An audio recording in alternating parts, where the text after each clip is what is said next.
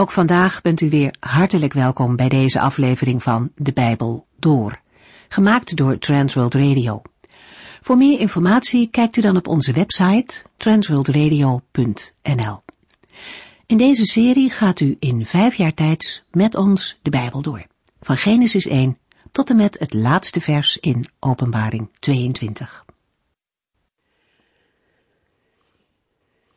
We zijn in deze serie bezig met het Bijbelboek Daniel. De vorige keer ging over hoofdstuk 6. En het eerste vers geeft al direct allerlei informatie. Darius is aan de macht en hij is een meder. Het eens zo machtige Babylonische rijk is gevallen en ingenomen door de Mede en de Perzen. De ondergang van Babel betekende echter niet de ondergang van Daniel, ook al was hij een hooggeplaatst man in dat rijk. Onder het bewind van Darius staat hij opnieuw in aanzien. Samen met twee anderen staat hij direct onder de koning. De Heere waakt over zijn knechten. Ook als ze in roerige tijden zijn, is hij hen nabij. Overigens heeft Daniel geen makkelijke positie. Hoewel hij een hoge functie heeft, staat hij helemaal alleen in zijn geloof. Zijn collega's zijn jaloers en erop uit om hem ten val te brengen. Het probleem is echter dat er niets op Daniel is aan te merken. Ook in het Nieuwe Testament lezen we dat Paulus ons vaak oproept om zo onberispelijk te leven. Het enige waar men Daniel op zou kunnen pakken, dat is zijn geloof. En daarin is hij zo standvastig. Het is voor iedereen duidelijk dat hij God meer gehoorzaamt dan mensen, wat het hem ook zal kosten. Er wordt een plan bedacht, waarin alle mensen uit het rijk van Darius dertig dagen lang niemand iets anders mogen vragen dan de koning. Wie dat wel doet, wordt in een leeuwenkuil geworpen. De koning zet zijn handtekeningen en vanaf dat moment is de wet onherroepelijk. Daniel hoort dat ook. En het eerste wat we lezen, wat hij doet, is naar God gaan, in gebed. De nood is hoog. En tot wie anders zou hij zich beter kunnen richten dan tot de God die hem al die jaren in Babel zo nabij is geweest. God was Daniel nabij, maar we zien dat Daniel ook de nabijheid van God zocht. Drie keer per dag nam hij de tijd om te bidden. De mensen wisten dat ook. Hij bad voor zijn venster in de richting van Jeruzalem. Daniel had een binnenkamer midden in Babel. Ongetwijfeld was hij een druk bezet man. Hij had een belangrijke baan. En toch weerhield zijn werk hem er niet van om tijd met God door te brengen. Het geloof van Daniel leidt ertoe dat men hem in de leeuwenkuil werpt. Tot groot verdriet van de koning. En die gaat de volgende ochtend ook meteen kijken. Zou hij gehoopt hebben op een wonder van Daniels God? Daniel, gij dienaar van de levende God, zo spreekt de koning hem aan. En uit het slot blijkt dat Daniels God inderdaad de levende is. De leeuwen konden Daniel namelijk niets doen, omdat hij op God vertrouwde. Tijd om dit indrukwekkende geloofsgetuigenis achter ons te laten en ons te verdiepen in hoofdstuk 7. Met Daniel 7 begint het tweede deel van het Bijbelboek Daniel. In de eerste uitzending en introductie over het Bijbelboek Daniel is al aangegeven dat dit tweede deel veel minder bekend is en tegelijk veel moeilijker te begrijpen is dan de eerste zes hoofdstukken van het Bijbelboek Daniel. Het is daarom begrijpelijk dat er enerzijds mensen zijn die het tweede deel liever overslaan, terwijl anderen juist hun nieuwsgierigheid willen bevredigen. Zonder beledigend te willen zijn, moeten we zeggen dat beide houdingen ten opzichte van het woord van God verkeerd zijn. De Bijbel is het geopenbaarde woord van God aan ons mensen. Gods geopenbaarde woord moet gelezen, gehoord en begrepen worden, opdat wij het handelen van de Heere in de geschiedenis zullen opmerken en zullen onderscheiden waarop het aankomt en waar het naartoe gaat. Met zijn woord wil de Heer ons ook op de hoogte brengen van gebeurtenissen in de toekomst, opdat wij er niet door overvallen zullen worden. Daardoor mogen en kunnen gelovigen weten, wat er ook gebeurt, het loopt de Heere niet uit de hand. Daniel 7 biedt net als openbaring 4 zicht op de troon van God. Die troon staat vast en vanaf die troon wordt er geregeerd. Het zevende hoofdstuk van Daniel is wel het belangrijkste hoofdstuk van het Bijbelboek Daniel genoemd.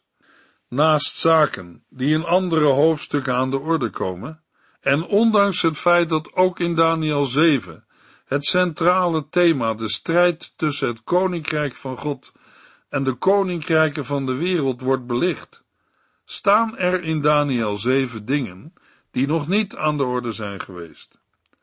Daarbij moeten we denken aan een beschrijving van de antichrist, de eerste in de Bijbel, de aankondiging van het allesomvattende gericht van God, de positie van Gods geheiligde volk en vooral ook de boodschap over de mensenzoon, waarna de Heer Jezus vaak verwijst tijdens zijn leven op aarde. Een aantal uitzendingen zullen we besteden aan het lezen en overdenken van dit belangrijke hoofdstuk. Daarbij moeten we in gedachten houden dat het tweede gedeelte van Daniel 7 de verklaring is van het eerste gedeelte. Daniel 7 kan als een parallel van Daniel 2 worden gezien. De koninkrijken van de wereld, die Nebukadnessar in zijn droom zag in het beeld, worden door Daniel in zijn droom en visioenen gezien als vier dieren die uit de zee opkomen. De dieren hebben een angstaanjagend uiterlijk en ook wat zij doen is benauwend. Vervolgens ziet Daniel hoe in de hemel een rechtszaak wordt voorbereid. In de versen 9 tot en met 14 ziet Daniel hoe er tronen werden neergezet en er een hoog bejaarde plaatsnam. Een rechtbank zal vonnis vellen over de koninkrijken van de wereld, die na een bepaalde tijd vernietigd zullen worden. Dan zal er een nieuwe heerschappij komen. Daarna zag ik in mijn droom de aankomst van iemand die eruit zag als een mensenzoon. Hij kwam op de wolken van de hemel en werd naar de hoogbejaarde geleid. Hij ontving macht en heerschappij om te regeren en werd overladen met eerbewijzen. In de versen 15 tot en met 28 wordt door een engel aan Daniel de verklaring van het visioen gegeven. De Heere geeft Daniel verschillende visioenen van vier dieren die heel markant zijn. Daniel kreeg deze visioenen in verschillende perioden van zijn leven. Het visioen in Daniel 7 was in het eerste jaar van koning Belshazzar. In Daniel 8 kreeg Daniel het visioen in het derde regeringsjaar van koning Belshazzar. In Daniel 9 was het in het eerste jaar van Darius. En in Daniel 10 lezen we dat Daniel het visioen kreeg in het derde jaar van koning Cyrus van Perzië. Het visioen in Daniel 11 en 12 kreeg Daniel in het eerste regeringsjaar van koning Darius. De vermelde visioenen zijn niet in het historische gedeelte van het Bijbelboek Daniel weergegeven, maar verzameld in het tweede gedeelte van het Bijbelboek Daniel, in de hoofdstukken 7 tot en met 12. Daniel 7 vers 1 In het eerste regeringsjaar van koning Belshazzar had Daniel een droom. Hij kreeg visioenen terwijl hij op bed lag en schreef ze later op. Dit is het verslag van wat hij droomde. Daniel kreeg de droom in het eerste jaar van Belshazzar en schreef het later op. Uit Daniel 5 weten we al hoe het met Belshazzar zit. De aangegeven tijdsaanduiding zal het eerste jaar zijn geweest, waarin Belshazzar als regent voor zijn vader optrad. Dat betekent dat we moeten denken aan het jaar 550 voor Christus. Daniel is dan ongeveer 70 jaar oud. Omdat we uit hoofdstuk 5 weten dat Belshazzar hem niet eens kent, is Daniel in die tijd aan de zijlijn gezet. Voor de wereld telt hij niet meer mee, maar voor de Heere wel. Juist in die tijd ontvangt hij deze droom en visioenen belangrijke openbaringen van de Heere. Het moet voor Daniel een bemoediging zijn geweest. Bij het klimmen van de jaren zou een mens kunnen denken dat de Heere geen taak meer voor hem of haar heeft. Daniel merkt op 70-jarige leeftijd, de Heere kent mij en hij heeft nog een taak voor mij. Daniel mag profeet zijn in dienst van de koning der koningen. Als we ons daarbij de leeftijd van Daniel realiseren, dan ontdekken we dat de Heere zijn dienstknechten niet alles tegelijk openbaart. Er zijn blijkbaar ook boodschappen waarvoor een profeet moet rijpen om ze door te kunnen geven. En wie Daniel 2 en 7 naast elkaar legt, die ontdekt dat dit in Daniel 7 inderdaad het geval is. Nu Daniel oud is geworden, mag hij doorgeven wat in de toekomst zal gebeuren. Een tijd van gedwongen rust, van schijnbare afbouw van je aardse levenstaak, kan juist zo tot een gezegende tijd worden. Ook als we een hoge leeftijd bereiken, kan de Heere tot ons spreken en kan Hij u nog weer een hele andere taak in zijn koninkrijk geven. Daarbij valt op dat Daniel van uitlegger tot ontvanger van dromen en visioenen is geworden. Hij die anderen hun droom mocht verklaren, is nu zelf afhankelijk van een uitlegger. We lezen in Daniel 7, vers 16, Daarom ging ik naar een van de omstanders en vroeg hem naar de betekenis van dit alles. Hij legde het mij uit. De woorden zijn ook een duidelijk bewijs dat de profeet niet vanuit zichzelf kan spreken, maar alleen kan doorgeven wat hij heeft gehoord en gezien. In de versen 15 en 28 lezen we hoezeer Daniel zelf betrokken is geweest bij wat hij zag en hoorde. Hij is diep onder de indruk, ondaan en in grote verwarring. Het zal ongetwijfeld te maken hebben met het huiveringwekkende van de visioenen die hij kreeg, en met het onzagwekkende van de verschijning van de Heer als rechter. Als de Heere zich openbaart in zijn macht en majesteit, dan blijft er geen mens recht op zijn benen staan. Dan vallen we net als Johannes op Patmos, als dood aan de voeten van de levende mensenzoon, de Heer Jezus Christus. Daniel zal vooral geschrokken zijn bij het zien en het horen van wat het volk van God zal overkomen, te midden van de vier grote dieren. Daniel ziet dat er zwaar weer op komst is voor Gods volk. Het volk van de Heere moet door de stormen van de eindtijd heen. De overwinning is wel zeker, maar de reis gaat dwars door de nacht. Daniel 7 vers 2 In mijn nachtelijke droom zag ik de winden uit alle vier de windstreken losbarsten in een hevige storm die de grote zee geeselde. In de nachtelijke droom staat Daniel aan de oever van de grote zee. Het is daarbij niet nodig aan een bepaalde zee te denken.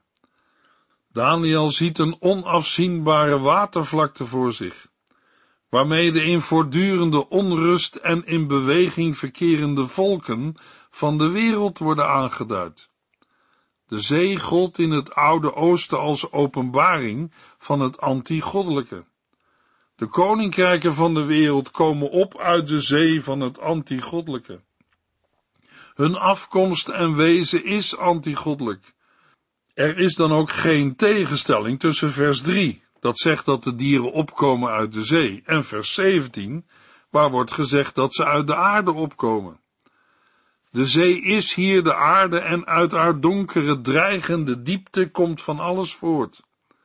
Van deze zee wordt in Openbaring 21 vers 1 gezegd, en ook de zee was verdwenen.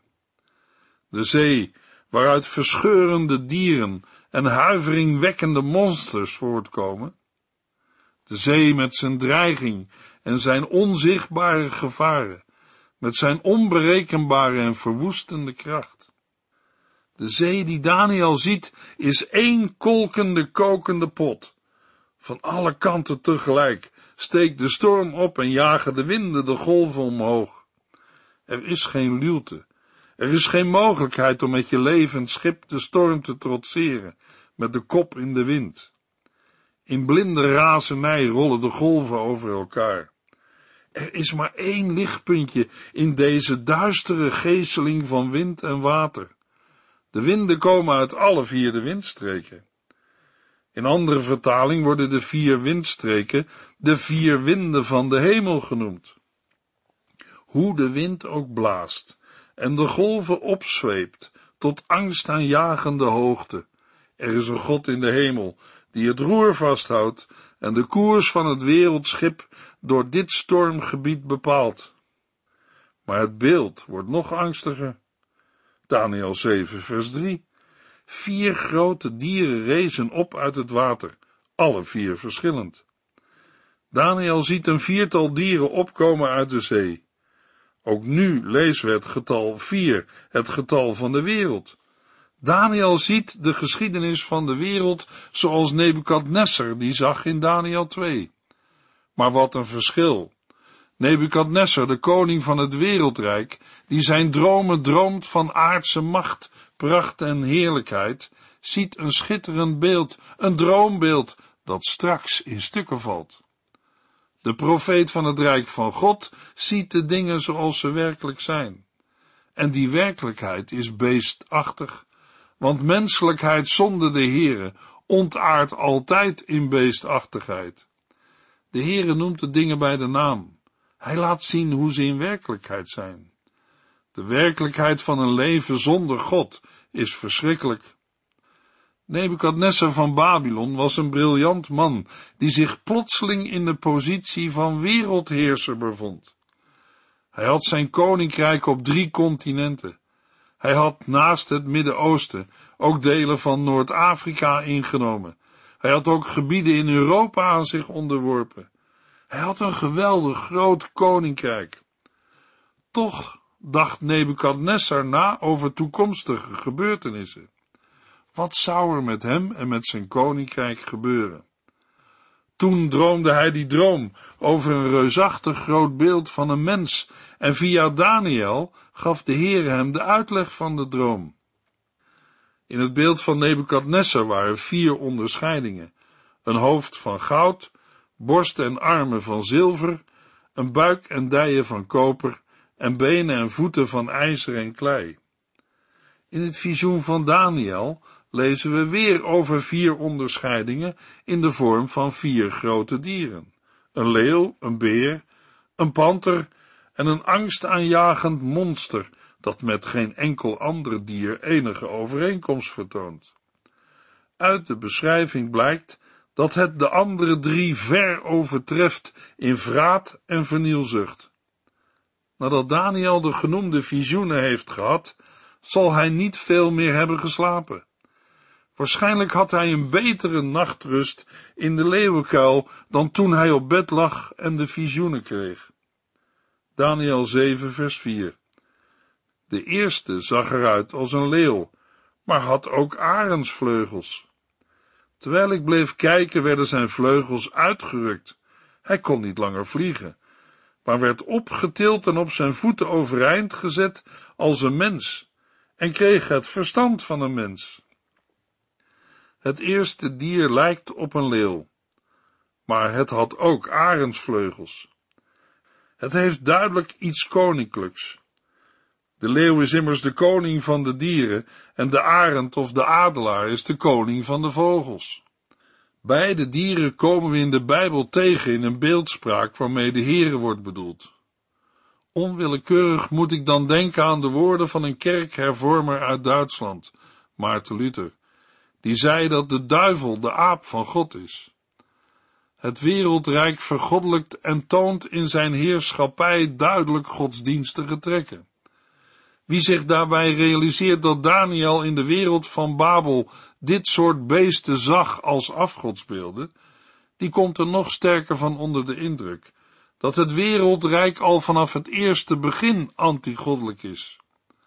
De koning van het wereldrijk stelt zich in plaats van God en wil goddelijke heerschappij en aanbidding ontvangen.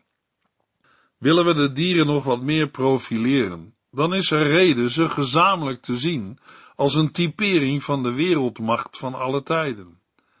Dat is mede gebaseerd op vers 12, waar we lezen dat in het gericht aan het eind van de geschiedenis hun de macht werd ontnomen. Door alle eeuwen heen is er steeds een koninkrijk van Babel dat lijnrecht tegenover Jeruzalem staat, onder welke naam het zich ook aandient. Tot aan het eind gericht zijn die twee koninkrijken er naast elkaar en tegenover elkaar, zodat altijd weer de vraag klinkt: van welk koninkrijk bent u een burger? Daarbij is altijd weer de waarschuwing op zijn plaats. Niemand kan twee heren dienen, want als u vriendschap met de wereld sluit, betekent dit dat u een vijand van God bent en omgekeerd. Toch is er wel een nadere verklaring te geven van de dieren, vooral ook als we uitgaan van het na elkaar in plaats van het naast elkaar bestaan van de dieren. Dan ligt het ook het meest voor de hand dat we bij het eerste dier aan Babel denken, zoals dat in de dagen van Belshazzar is. Daarmee zijn we ook in de lijn van de meeste Bijbeluitleggers. De glorie verbleekt, de arensvleugels worden uitgerukt, het is gedaan met zijn hoge vlucht. Babel wordt teruggezet in de werkelijkheid en moet ontdekken dat het geen goddelijke, maar menselijke macht heeft. Babel moet een dreigende ondergang onder ogen zien. Beelden van gevleugelde leeuwen stonden in Babel vaak bij de ingang van publieke gebouwen. Het uitrukken van de vleugels betekent geen vernedering en verminking, maar een soort verandering of veredeling van het dier dat tot een tweevoeter wordt gemaakt. Hij kon niet langer vliegen, maar werd opgetild en op zijn voeten overeind gezet, als een mens, en kreeg het verstand van een mens. Daarmee verandert het dier in een redelijk wezen. Daniel 7 vers 5 Het tweede dier leek op een beer, hij had zijn ene poot opgeheven en hield drie ribben in zijn bek. Ik hoorde een stem zeggen, sta op, eet veel vlees. Het tweede dier lijkt op een beer. Dat is een vraatzuchtig beest, en dat blijkt ook wel. Want terwijl hij nog drie ribben van zijn vorige prooi tussen de tanden heeft, staat hij alweer in een aanvalshouding om een volgende prooi aan te vallen. Daarin wordt hij nog gestimuleerd ook, want er klinkt een stem die zegt, sta op, eet veel vlees. Maar dat hoef je tegen een beer eigenlijk niet te zeggen. Betekent die stem een boodschap uit de hemel? Herinnert die stem eraan dat het de Heer is die dit koninkrijk ertoe drijft om zijn machtsgebied steeds verder uit te breiden en zijn honger naar steeds meer land verder te voeden? Met de beer zal dan het koninkrijk van de Mede en Persen zijn bedoeld. In korte tijd kreeg het koninkrijk van de Mede en Persen grote macht en onderwierp machtige koninkrijken in het noorden en zuiden. Daniel 7 vers 6 Daarna keek ik naar het derde dier. Dit zag eruit als een panter, maar op zijn rug zaten vier vleugels als van een vogel en hij had vier koppen. Hem werd veel macht gegeven. In vers 6 lezen we over een panter met vier vleugels en vier koppen. De panter is bekend vanwege zijn snelheid, die nog geaccentueerd wordt door de vleugels. Een panter kan zich in eiltempo verplaatsen over grote afstanden en is daarbij bijzonder wendbaar. Bij de panter denken we aan het Griekse Rijk, dat onder Alexander de Grote in korte tijd een enorm gebied veroverde. Een gebied dat zich uitstrekte tot aan de rivier de Indus in Noord-India. De vier hoofden wijzen naar de vier opvolgers van Alexander de Grote, die ieder een vierde deel van het Griekse Rijk kregen. Een van deze vier rijken is het Syrische Rijk, dat we al eens noemden, en dat we in de volgende hoofdstukken nog zullen tegenkomen, omdat het onder Antiochus Epiphanes een waar schrikbewind over Juda heeft uitgeoefend. Met deze uitleg zullen wij bij wat volgt niet meer aan Antiochus Epiphanes kunnen denken, omdat hij volgens ons bij het derde koninkrijk behoort. Het is duidelijk dat deze drie koninkrijken of koningen in Daniel 7 niet de meeste aandacht vragen. Hun heerschappij is niet de meest bedreigende, al werpt vers 17 in een korte samenvatting deze vier koninkrijken op één hoop. Ze komen alle vier uit de zee en de aarde, en daarmee is in feite alles gezegd. Ze komen van beneden, verzetten zich tegen wat van boven is en zijn vergankelijk van aard. Ze gaan voorbij. Ze veranderen van gedaante, leeuw, beer en panter. Maar hun karakter is onveranderlijk beestachtig. Wat dat laatste betreft is er niets nieuws onder de zon. In het licht van de vorige hoofdstukken krijgen zij hun macht van de Heere, maar alleen voor een tijd die God bepaalt. Daarna wordt hun heerschappij weer weggenomen. Er is voor wie dit leest en begrijpt inderdaad weinig reden om jaloers te worden op die aardse machthebbers, welke naam ze ook dragen, en over welk koninkrijk ze ook heerschappij voeren. De kerkhervormer Luther zong het al, geen aardse macht begeren wij, die gaat al ras verloren. Er is maar één koninkrijk, dat niet vergaat en eeuwig zal regeren. Maar daar zijn we nog niet aan toe. Eerst moeten we onze aandacht nog geven aan het vierde dier. Daniel 7, vers 7. Terwijl ik toekeek in mijn droom, zag ik een vierde dier. Hij was afschrikwekkend en zag er geweldig sterk uit. Hij verscheurde zijn voedsel met zijn grote ijzeren tanden, en het overige vertrapte hij onder zijn poten. Dit dier was heel anders dan de vorige dieren en had tien horens. Gezien het huiveringwekkende van zijn verschijning, zouden we het vierde dier het liefst overslaan. Maar dan spreken we onszelf tegen, met betrekking tot wat we in het begin zeiden over de woorden die Daniel heeft opgeschreven. Het zijn openbaringen van de levende God. Het is juist goed om te weten langs welke weg het naar Gods eeuwig koninkrijk gaat. Dan weet Gods volk ook dat het de Heere niet uit de hand loopt als deze dingen gebeuren. We mogen het aan anderen doorgeven. Zo heeft de Heer het in zijn woord voorzegd en ons bekendgemaakt door zijn heilige geest en zijn dienaren de profeten. Langs deze weg gaat het naar zijn toekomst. Vandaar dat Daniel wel huivert, maar tegelijk dat wat hij ziet en hoort opschrijft voor anderen en ze bewaart in zijn hart. Maar daarover meer in de volgende uitzending, het vervolg van Daniel 7. U heeft geluisterd naar De Bijbel Door, in het Nederlands vertaald en bewerkt door Transworld Radio. Een programma waarin we in vijf jaar tijd de hele Bijbel doorgaan. Als u wilt reageren op deze uitzending of u heeft vragen, dan kunt u contact met ons opnemen. Tijdens kantooruren kunt u bellen op 0342 47 8432. 0342 47 8432. Ook kunt u een e-mail sturen naar de Bijbel door at transworldradio.nl en natuurlijk kunt u ook via de post ons bereiken. TWR, postbus 371, postcode 3770, AJ in Barneveld. Dit programma werd gepresenteerd door Cor Weda en Ike André. Techniek was in handen van Odin van Voerkom. En wij allemaal bedanken u voor het luisteren. Graag tot de volgende keer.